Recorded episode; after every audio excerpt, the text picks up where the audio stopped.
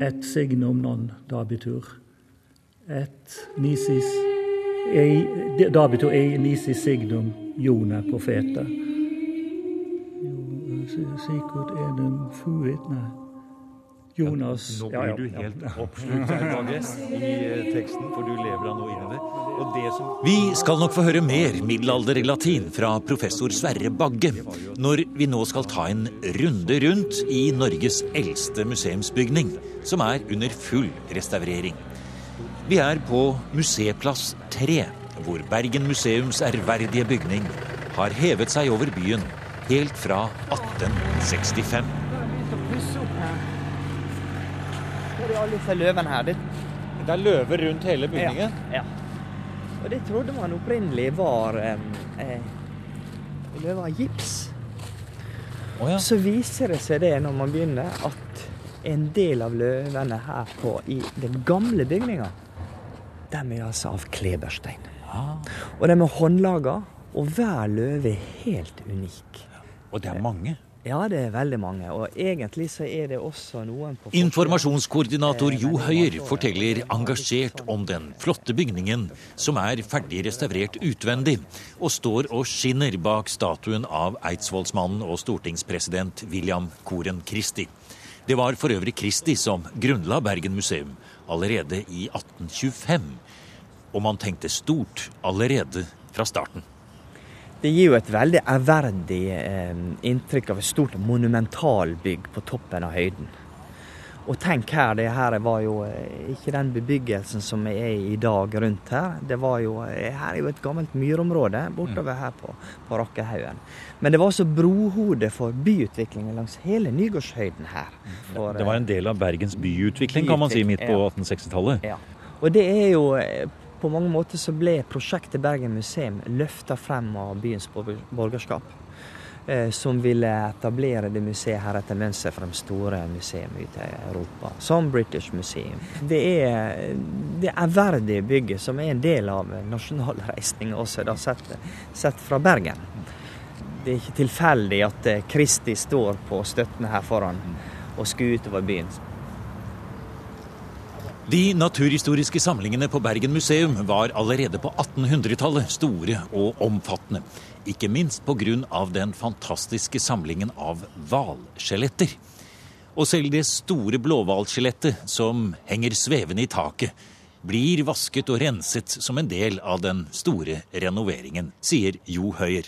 Så prosjektet er både å sikre skjeletter og rense dem og delvis restaurere. Eh, så neste år så kan publikum igjen komme i Valsalen og se en, en nyoppussa skjelett. Selv om da kanskje noe av selve salen skal pusses opp seinere, mm. når, når, når, den store innvendige renoveringa begynner. Mm. Vi har hatt en ytre oppussing av fasade og, og eh, satt, i gang, satt, i stand også de vinduer, den gamle, flotte vinduet her, med, som er Alt er av håndblåst glass.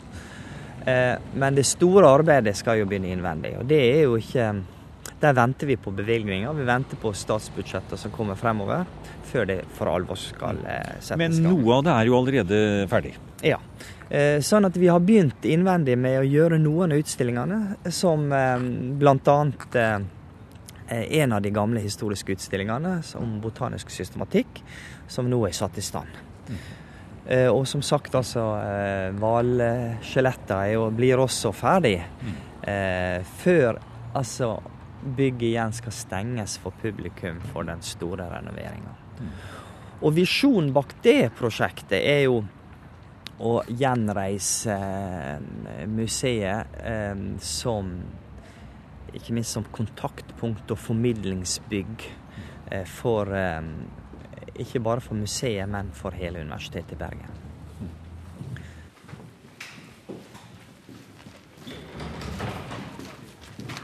Vi går inn gjennom de store dørene på Bergen museum og møter professor Henrik von Nachen. Han er ikke bare ekspert på middelalderens kirkekunst, men også styreleder for Bergen museum, og står midt oppe i de store renoveringsplanene. Vi snakker om at gamle bygninger som dette ikke egentlig er bygd for moderne krav til utstillingsteknikk med miljø, ventilasjon og belysning. Så kanskje et helt nytt museum hadde vært tingen. Og så heller bruke denne gamle, sjarmerende bygningen som ramme om en ja, restaurant? En restaurant med boblebær, hva vet jeg. Altså hva som helst. Sant? Og det er helt sant. Men så må man jo spørre ok, hvorfor gjør vi det da? Nei, det er fordi at det er mye å miste på å fjerne den gamle bygningen eller bygge den om fullstendig til ukjennelighet. Fordi vi har en tradisjon, vi har en, en hva skal vi si, en sammenheng over tid. Øh, bygningen er jo ikke bare en bygning for å huse bestemte gjenstander, men det er en bygning som på en måte er et uttrykk for et slags verdensbilde på 1800-tallet. Hvordan så man verden? Hvordan så man vitenskapen? Hva var det man ville vite noe om? Hva var det man trodde man kunne vite noe om? Alle disse ting er bakt inn i bygningen. Så vi har altså en kontinuitet. Vi har en tradisjon. Vi har kvaliteter, også selvfølgelig arkitektoniske kvaliteter, som vi nødvendigvis slipper. på. Men det er heller ikke til å komme bort fra at ikke sant, denne store paléaktige bygningen fra 1800-tallet den representerer datidens borgerskap og dannelse og svermeriet for antikken og alt dette her. Det bærer jo også i seg en slags avstand til det å gjøre kunnskap tilgjengelig, kanskje slik man tenker på det i dag, med internett og alt det andre som skal være lett og fort og raskt og kjapt. Det er helt riktig. Eh, og her deler museumsfolk seg omtrent i to leirer. Det er de som føler at vi skal gjøre terskelen lav. Dette skal være tjomslig, kameratslig. Eh, ta folk inn, gjøre terskelen lav, få tak i dem, få sagt dem noe. Og så har vi noen andre som, som føler at museet skal være en annen verden.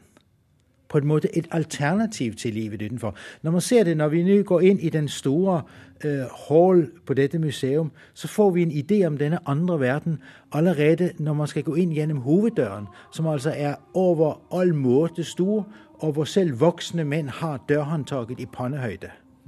Det er helt åpenbart at når man skyver opp denne dør, så beveger man seg inn i en annen tid. Og jeg tror nok egentlig at ganske mange mennesker har sans for denne helt annerledeshet som man har i en slik gammel museumsbygning. Altså Det er på en måte, det kan man godt si, det er på en måte også et slags vitenskapens tempel.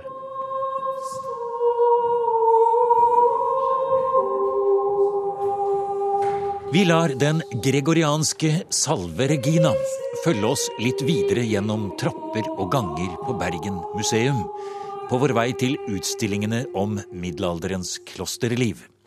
Men vi stanser først i de naturhistoriske samlingene for å få et lite innblikk i de aller første utstillingene her ved Bergen museum på slutten av 1800-tallet.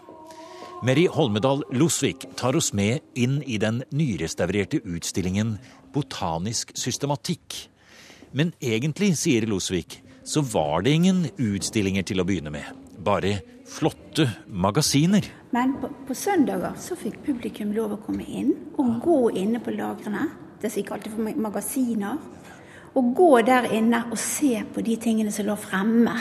Men de hadde jo det meste i skap og skuffer og, og i hyller. Ja, Var det populært? Da kom folk og så Veldig, Det var veldig populært. Ja. Alle gikk opp her på museet. Dette museet lå jo helt alene her på Nygårdshøyden. Ja. Så de kom opp fra byen og kom inn der og fikk se, vet du. For jeg tror de tenkte litt på at publikum skulle komme og se, så de hadde skikkelig navn og litt informasjon og sånn. Men det var ikke meningen for publikum. Det skulle ikke være for publikum sin del. Det var bare de fikk aller nådigst lov å komme inn. Det var for forskningen? Ja, de skulle samle.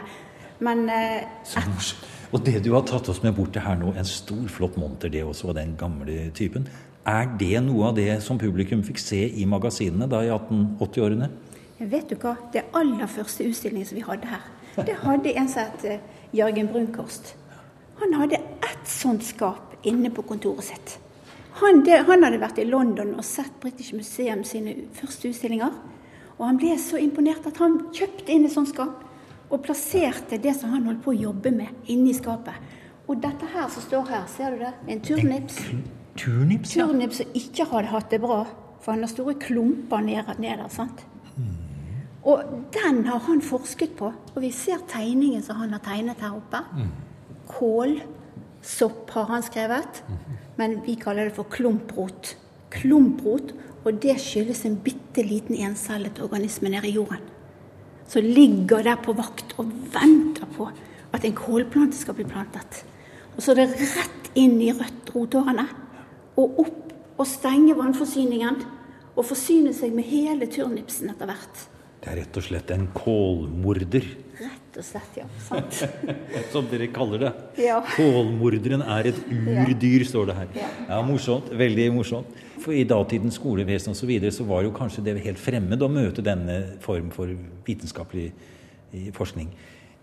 Det det ble jo populært, som du sier, men etter hvert så utviklet det seg vel mer da mot de faste, store utstillingene som ble prestisjebelagt, og som vi ser også eksempler på her. Ja, det gjorde det. I, I, 1920 så sto denne her utstillingen ferdig med 27 montre. Ja. Og da hadde de med eksempler på alle grupper av planter. Det som de kalte for planter. Kan du, kan du, vise oss noen eksempler på hva de gjorde da? Altså noen preparater eller andre ting som du vil trekke frem? det var veldig mye sånne preparater som lå på sprit. Ja. Så det var hele planter og sånt. Så det, det, det, gjorde at eh, preparatene kunne holde seg. sant? Men her er det jo andre ting enn eh, sprit her, Mari. Ja, her har vi jo modeller. Og det var et firma i, i Tyskland som solgte modellene til oss. Vi har jo nærmere 200 modellenheter til sammen. Og de, mesteparten av de er utstilt. Så fordi at der kan de ta biter av en organisme. Mm og forstørre den veldig opp. Så den der, den er jo helt mikroskopisk. Du må jo ha mikroskop for å ja, se den. Den der, sier du. Fortell hva det er vi ser på her. En kransalge. Den er jo så liten at det er håpløst å se. Men her kan vi altså se organene, forplantningsorganene her. Og stilken og bladene. Se akkurat hvordan de var. Og cellene. og Hvis vi ser tydelig etter på de fire cellene, så er det sædceller inni der. Med lange haler.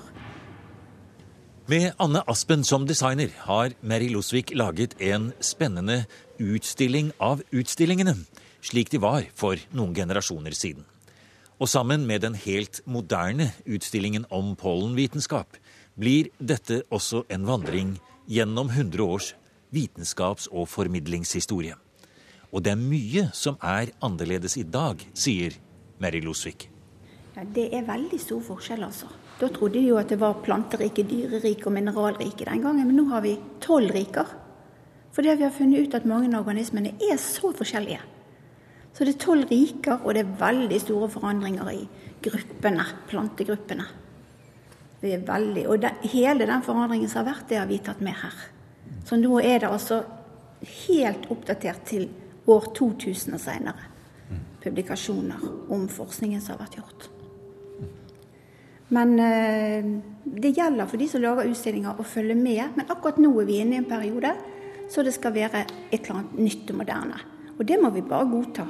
For vi har jo hatt en lang periode på 100 år nå så vi har hatt bare samlet ting og vist frem ting. Sant? Vist frem organismer og alle mulige ting.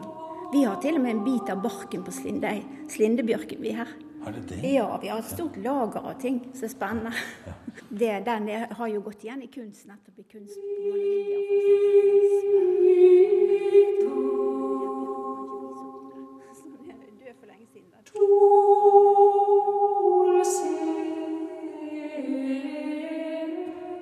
Nå ser vi, når det gjelder gjenstandene, eh, så er det først og fremst bygningssteiner.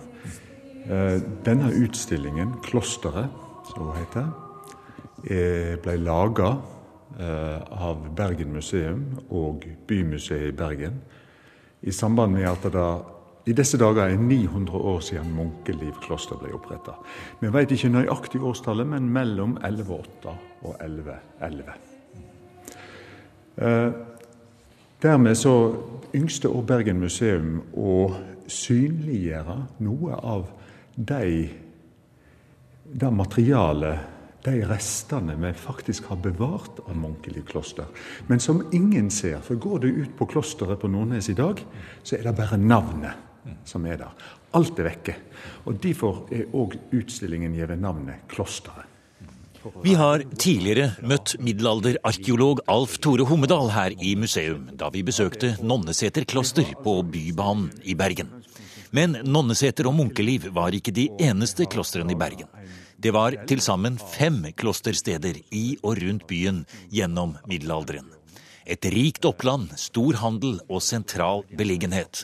Alt dette var viktige faktorer for at så mange klosterordener etablerte seg her, sier Homedal. Bergen var viktig for klostrene og utover de klostrene som var i Bergen. Som, som, var fysisk, altså som var plassert her. For vi ser bare at eh, flere av de vestnorske klostrene de hadde egne handelsskarer i Bergen. Klosteret på Selje hadde sin handelsskare her. Lysekloster hadde sin handelsskare her. Halsenøy kloster hadde sin handelsskare her. Så de har alle sammen altså hatt handel knytt mot eh, den eh, landskyld som de fikk inn, eh, har de hatt knytt opp mot handelsbyen Bergen. Klostrene hadde òg egne skip, som da for selvfølgelig mellom klostrene og Bergen, men òg som drev, kunne drive med, med utenrikshandel. Altså gå til England, f.eks. Altså, Vi ser jo nå for oss eh, klostrene som, som, et konsern, nær sagt. Et handelskonsern med mange forskjellige eh, skal vi si, grader av virksomhet og lag av engasjement i samfunnet rundt. da. Og, og da Vi tenker ofte bare på altså munkene, nonnene som levde i klosteret, men vi skal huske på at det knytt opp mot disse anleggene, så var det veldig mange mennesker, såkalte familiare, som var på en forskjellig måte var knytt mot klostrene. Eh, Anten, eh, og i, i, europeisk sammenheng så kunne jo kloster faktisk være bydannende. Det har de ikke vært i, i Norge, men de har vært med på å hjelpe fram byene. Um, men vi må huske på, vi må skilje litt mellom ulike typer kloster. Fordi at nå snakker vi egentlig om de, eh, de opphavlige klostrene som hadde lov til å ha eiendom. Men med, på 1200-tallet så kom tiggerordnene, fransiskanerne, dominikanerne, som skulle leve midt i byen og som i motsetning til de eldre ordnene som trekte seg tilbake fra verden, så skulle fransiskanerne og dominikanerne ha klosteret som en base for sin gjerning ute i verden. Og i denne sammenhengen de hadde ikke lov til å ha fast eiendom. Ergo så hadde ikke de disse handelskontaktene eh, og, og, denne handelen som vi nå snakker om. Her kommer vi inn i klosterverdenen igjen, ja. Det er litt av en vandring vi egentlig er på, både i det fysiske Her har vi kommet inn i utstillingen 'Fragment fra fortida', som er en del av et stort formidlingsprosjekt på Senter for middelalderstudier ved Universitetet i Bergen. Så her ser vi Maria himmeldronningen med gullkrona som eh, heller Jesusbarnet på, eh, på fanget. Men så skulle vi snu oss bort her og se hva dere har her. For her ligger det et eksempel på skriftkulturen i klostrene. Ja, og det var den store overraskelsen når vi jobba med denne utstillingen. Mm. Um, og gikk i uh, Åslaug Munsen viser fram den berømte stylusen som ble funnet i magasinene da man forberedte utstillingen. Denne skrivepinnen ble brukt til å risse inn notater på f.eks. voksplater, slik at teksten kunne viskes ut og skriveplaten brukes på nytt. Huskelister, notater til brev, utrekninger. Hvis en skrev på voks, så ville det være relativt enkelt å, å bare varme opp, glatte ut igjen og skrive på nytt. Eh, sparsommelig og eh, bra. Og Litt av poenget med det, det er jo at man skal få frem at når man snakker om skriftkultur, så er det jo ikke bare bøker og pergamenter som, hvor skriftkulturen kommer frem. Nei, Noe av det vi har prøvd å få fram i utstillingen her òg, det er at skriftkulturen i middelalderen den var mangfoldige. Mm. De hadde behov for midlertidige skriftmedier, de hadde behov for medier for skrift som de ville i prinsippet skulle vare evig. Og noen av de gjør mest til det. Det er i alle fall så har en eh, bøker og bokfragmenter som òg eh, her i landet, som mm. Eh, har vart i mest tusen år. Kommer helt sikkert til å vare i tusen år. Varer antagelig lenger enn moderne bøker i dag. Det gjør de. Og lenger enn en harddisk også, kanskje? Helt sikkert òg. Ja. Eh, og det har med materialet å gjøre. Så vi ser bak den stylusen ligger der et pergamentfragment fra universitetsbiblioteket her. Og pergament, som i dyrehuder, er fantastisk slitesterke. En klarer ikke å rive de sunt om en prøver engang. Men det som i alle fall er sikkert, det er jo at du hadde runer og latin, runer og latinske bokstaver som eksisterte side om side i flere hundre år. Eh, og det er ganske interessant. Hva sier du, Sverre Bagge, dette med kunnskapsnivået? Var det slik at Bergen var en by full av kunnskaper på 11-, 12- og 1300-tallet, som vi nesten kan få inntrykk av når vi hører latinske vers sitert på runepinner osv.? Eller hva, eh, ja, hva er ditt inntrykk av det? Skriftkulturen og den muntlige kulturen side om side? Ja, det er vel ikke så helt lett å si, men også klart Bergen var en by med veldig mange geistlige. For det var, må jo ha vært et av de, antagelig det, den byen hvor mest kunnskap var samlet. For det var jo den største, klart den største byen. Ja, Nidaros kanskje, eh, med erkebiskopens uh, miljø omkring erkebiskopen må også ha vært viktig. Oslo for så vidt også. Men, men uh, Bergen var jo klart den største byen og hadde veldig mye klostre og kirkelige institusjoner. Og på den måten så må det jo ha vært samlet ganske mange uh, ja, latinkyndige og lærde mennesker. Og så var det jo det at det å kunne latin i middelalderen, det var jo liksom ikke fullt så eksotisk som det er i dag. det, det er vel som engelsk i dag, kanskje? Noe sånt som engelsk i dag, ja. Det var jo liksom det internasjonale språket. Og iallfall geistligheten, så vidt man kan bedømme, må jo ha vært ganske flytende i latin. Ikke bare det at de kunne lese litt vergil og sånt, men de kunne skrive latin omtrent som man skriver engelsk i dag. Vi ser styrlusen der, vi ser dette runeinnskriften. Men hvis vi går rundt hjørnet her, så ser, vi, så ser jeg det ligger andre ting her også. Her ligger det pergamentet. Vi går den veien, ja. Ja, det er et av eh, omkring 6500 fragment eh, som eh, vi har i Norge fra bøker som ble brukt her i middelalderen. Men dette er i veldig god stand, som vi ser. De fleste andre er ikke så store som dette. Dette er et dobbeltblad, så en får et inntrykk av hvordan boja har sett ut. Nettopp, og den er jo omtrent på samme størrelse. Jeg hadde nesten sagt en iPad, men, eh, eller altså en litt stor bok, da. Men den er jo veldig flott. Hva står det der, Bage? Bagge? Det er, eh, det er en tekst fra evangeliet. Aha. Da kom de skriftlige og fariseerne til ham og sa, 'Mester, vi vil, vi vil ha et tegn av deg'. Nå oversetter han, du altså direkte fra ja, ja. latin, middelalderlatin her. Hvordan ville det høres ut på latin?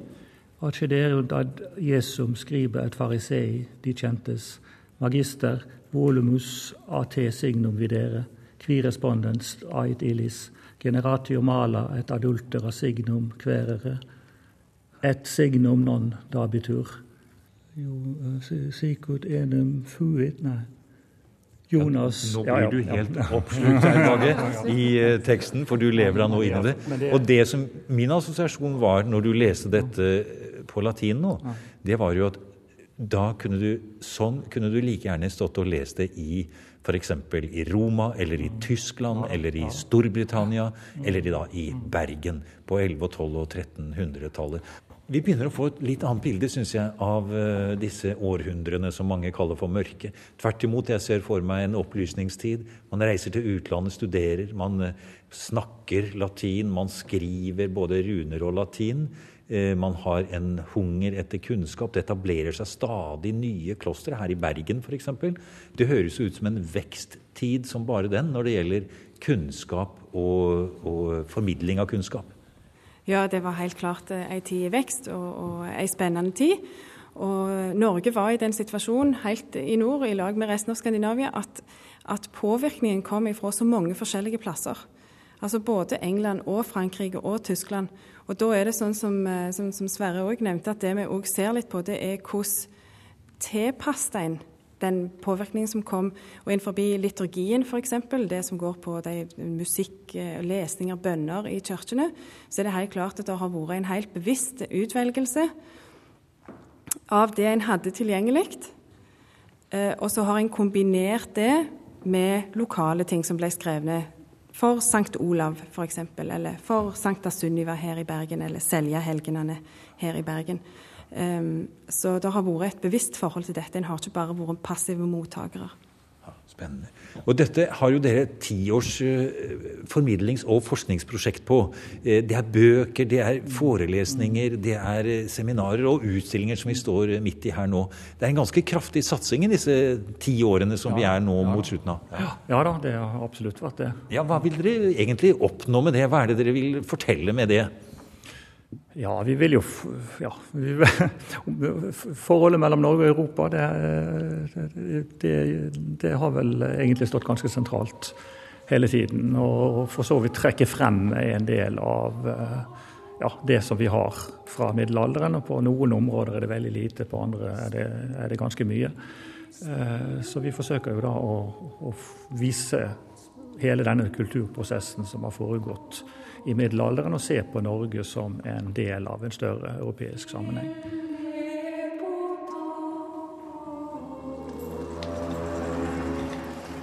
Du har nå hørt programmet Museum som podkast fra NRK. Museum sendes i NRK P2 på lørdager og søndager. Du finner flere programmer på nrk.no podkast.